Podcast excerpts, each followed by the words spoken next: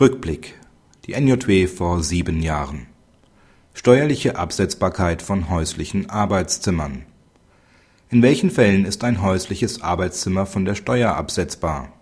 Bis zum Jahr 2007 galt nach § 4 Absatz 5 Satz 1 Nummer 6b Einkommensteuergesetz Unbegrenzt abzugsfähig sind Aufwendungen für häusliche Arbeitszimmer, die den Mittelpunkt der gesamten betrieblichen und beruflichen Betätigung bilden.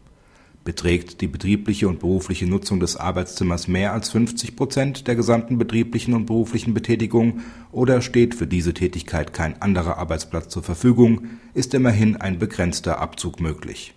Die Frage nach dem Mittelpunkt der Berufstätigkeit sorgt für so manchen Streit vor den Finanzgerichten in der NJW von vor sieben Jahren (NJW 2003, Seite 2360) hat der BGH bürgerfreundlich entschieden.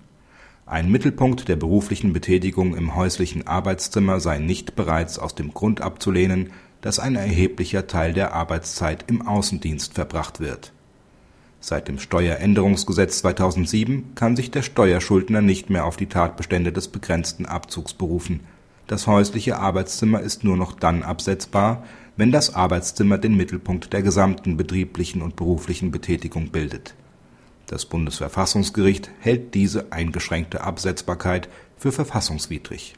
Die Einschränkung der § 4 Absatz 5 Satz 1 Nummer 6b Einkommensteuergesetz sei mit Artikel 3 Absatz 3 Grundgesetz unvereinbar, soweit Aufwendungen für ein häusliches Arbeitszimmer auch dann nicht abgezogen werden dürften wenn für die betriebliche oder berufliche Tätigkeit kein anderer Arbeitsplatz zur Verfügung steht. Die Entscheidung finden Sie abgedruckt in diesem Heft NJW 2010, Seite 2643, kommentiert von Günter Eismann